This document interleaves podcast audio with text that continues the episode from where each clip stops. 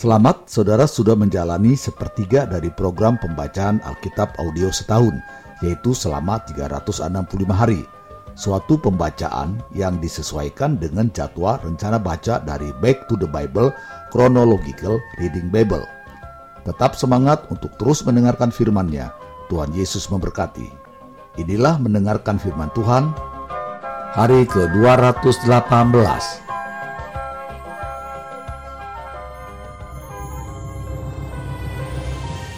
Sefanya pasal 1 ayat 1 judul Firman Tuhan yang datang kepada Sefanya bin Kusi bin Gedalia bin Amaria bin Hiskia dalam zaman Yosia bin Amon Raja Yehuda.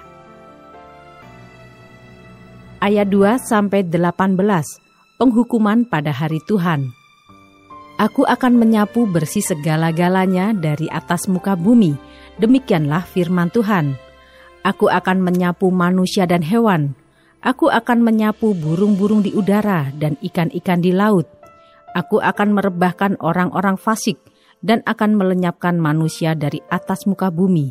Demikianlah firman Tuhan. Aku akan mengacungkan tanganku terhadap Yehuda dan terhadap segenap penduduk Yerusalem.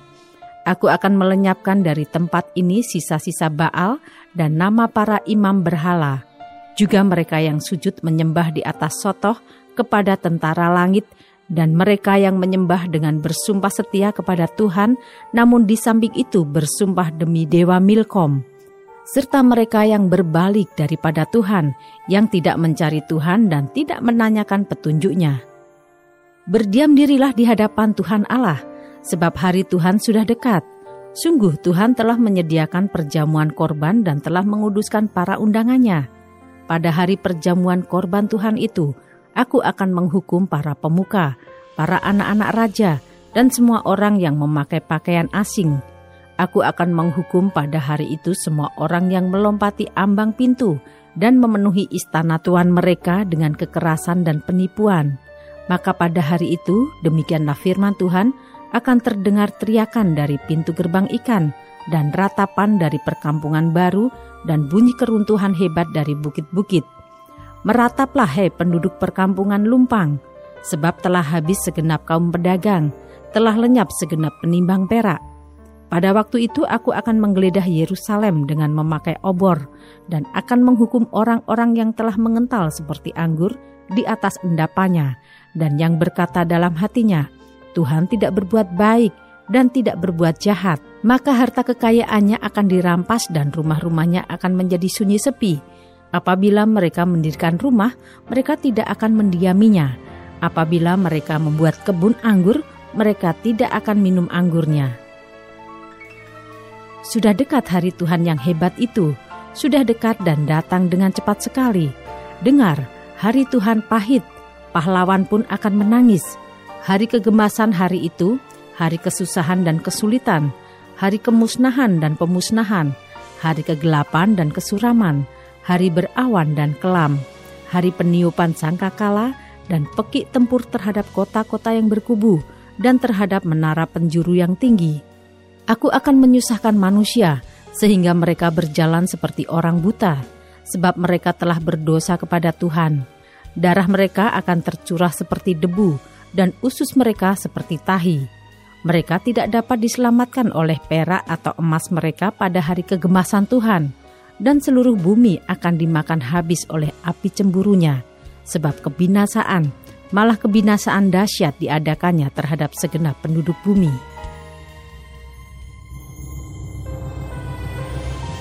Sefanya pasal 2 ayat 1 sampai 3. Seruan untuk bertobat. Bersemangatlah dan berkumpullah hai bangsa yang acuh tak acuh sebelum kamu dihalau seperti sekam yang tertiup, sebelum datang ke atasmu murka Tuhan yang bernyala-nyala itu, sebelum datang ke atasmu hari kemurkaan Tuhan. Carilah Tuhan, hei semua orang yang rendah hati di negeri, yang melakukan hukumnya. Carilah keadilan, carilah kerendahan hati, mungkin kamu akan terlindung pada hari kemurkaan Tuhan. Ayat 4 sampai 15 hukuman atas bangsa-bangsa. Sebab Gaza akan ditinggalkan orang dan Askelon menjadi sunyi. Asdod akan dihalau penduduknya pada rembang tengah hari dan Ekron akan dibongkar bangkirkan.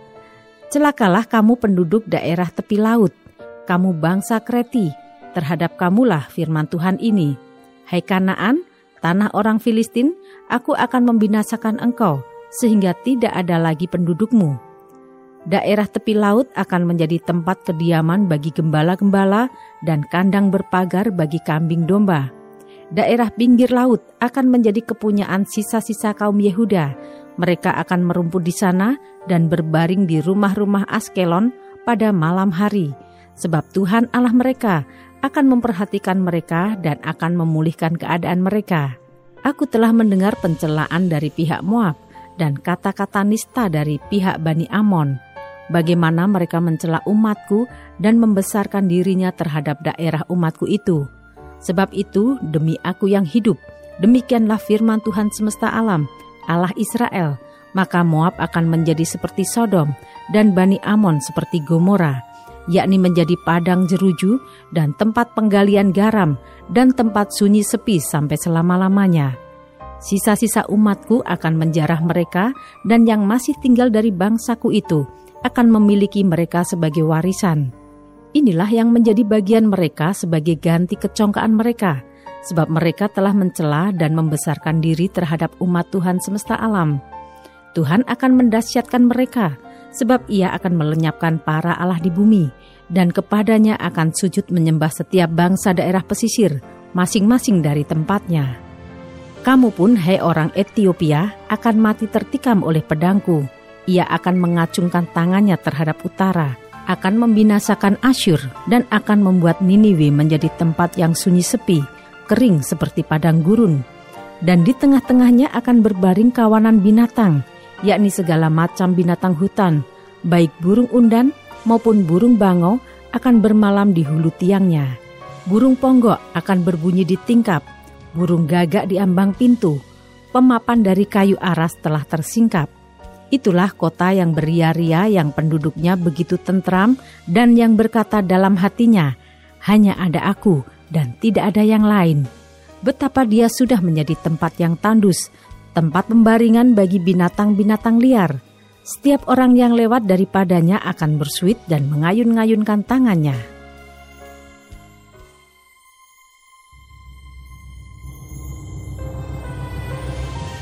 Sefanya pasal 3 ayat 1 sampai 8. Hukuman atas Yerusalem. Celakalah si pemberontak dan si cemar, hai kota yang penuh penindasan. Ia tidak mau mendengarkan teguran siapa pun dan tidak mempedulikan kecaman. Kepada Tuhan ia tidak percaya dan kepada Allahnya ia tidak menghadap. Para pemukanya di tengah-tengahnya adalah singa yang mengaum. Para hakimnya adalah serigala pada waktu malam yang tidak meninggalkan apa pun sampai pagi hari. Para nabinya adalah orang-orang ceroboh dan pengkhianat. Para imamnya menajiskan apa yang kudus, memperkosa hukum Taurat. Tetapi Tuhan adil di tengah-tengahnya, tidak berbuat kelaliman. Pagi demi pagi, ia memberi hukumnya. Itu tidak pernah ketinggalan pada waktu fajar. Tetapi orang lalim tidak kenal malu. Aku telah melenyapkan bangsa-bangsa, menara-menara penjuru mereka telah musnah. Aku telah merusakkan jalan-jalannya, sehingga tidak ada orang yang lewat. Kota-kota mereka telah ditanduskan, sehingga tidak ada orang dan tidak ada penduduk. Aku sangka, tentulah ia sekarang akan takut kepadaku, akan mempedulikan kecaman dan segala yang kutugaskan kepadanya tidak akan lenyap dari penglihatannya. Tetapi sesungguhnya mereka makin giat menjadikan busuk perbuatan mereka. Oleh karena itu, tunggulah aku, demikianlah firman Tuhan, pada hari aku bangkit sebagai saksi, sebab keputusanku ialah mengumpulkan bangsa-bangsa dan menghimpunkan kerajaan-kerajaan untuk menumpahkan ke atas mereka geramku, yakni segenap murkaku yang bernyala-nyala, sebab seluruh bumi akan dimakan habis oleh api cemburuku. Ayat 9 sampai 20 Janji keselamatan tetapi sesudah itu aku akan memberikan bibir lain kepada bangsa-bangsa, yakni bibir yang bersih, supaya sekaliannya mereka memanggil nama Tuhan, beribadah kepadanya dengan bahu-membahu.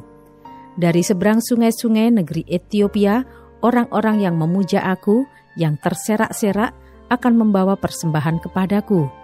Pada hari itu engkau tidak akan mendapat malu karena segala perbuatan durhaka yang kau lakukan terhadap aku. Sebab pada waktu itu aku akan menyingkirkan daripadamu orang-orangmu yang ria congkak, dan engkau tidak akan lagi meninggikan dirimu di gunungku yang kudus di antaramu akan kubiarkan hidup suatu umat yang rendah hati dan lemah, dan mereka akan mencari perlindungan pada nama Tuhan, yakni sisa Israel itu. Mereka tidak akan melakukan kelaliman atau berbicara bohong. Dalam mulut mereka tidak akan terdapat lidah penipu. Ya, mereka akan seperti domba yang makan rumput dan berbaring dengan tidak ada yang mengganggunya. Bersorak-sorailah hai putri Sion, bertempik soraklah hai Israel, Bersukacitalah dan beriarialah dengan segenap hati, hei putri Yerusalem. Tuhan telah menyingkirkan hukuman yang jatuh atasmu, telah menebas binasa musuhmu. Raja Israel, yakni Tuhan, ada di antaramu. Engkau tidak akan takut kepada malapetaka lagi. Pada hari itu akan dikatakan kepada Yerusalem, Janganlah takut, hai Sion, janganlah tanganmu menjadi lemah lesu Tuhan Allahmu ada di antaramu sebagai pahlawan yang memberi kemenangan. Ia bergirang karena engkau dengan sukacita, ia membaharui engkau dalam kasihnya. Ia bersorak-sorak karena engkau dengan sorak-sorai. Seperti pada hari pertemuan raya, aku akan mengangkat malapetaka daripadamu, sehingga oleh karenanya engkau tidak lagi menanggung celah. Sesungguhnya pada waktu itu aku akan bertindak terhadap segala penindasmu, tetapi aku akan menyelamatkan yang pincang, mengumpulkan yang terpencar, dan akan membuat mereka yang mendapat malu menjadi kepujian dan kenamaan di seluruh bumi. Pada waktu itu aku akan membawa kamu pulang, yakni pada waktu aku mengumpulkan kamu, sebab aku mau membuat kamu menjadi kenamaan dan kepujian di antara segala bangsa di bumi, dengan memulihkan keadaanmu di depan mata mereka, firman Tuhan. Tetap semangat, teruskanlah mendengarkan firman Tuhan. Sampai jumpa esok hari.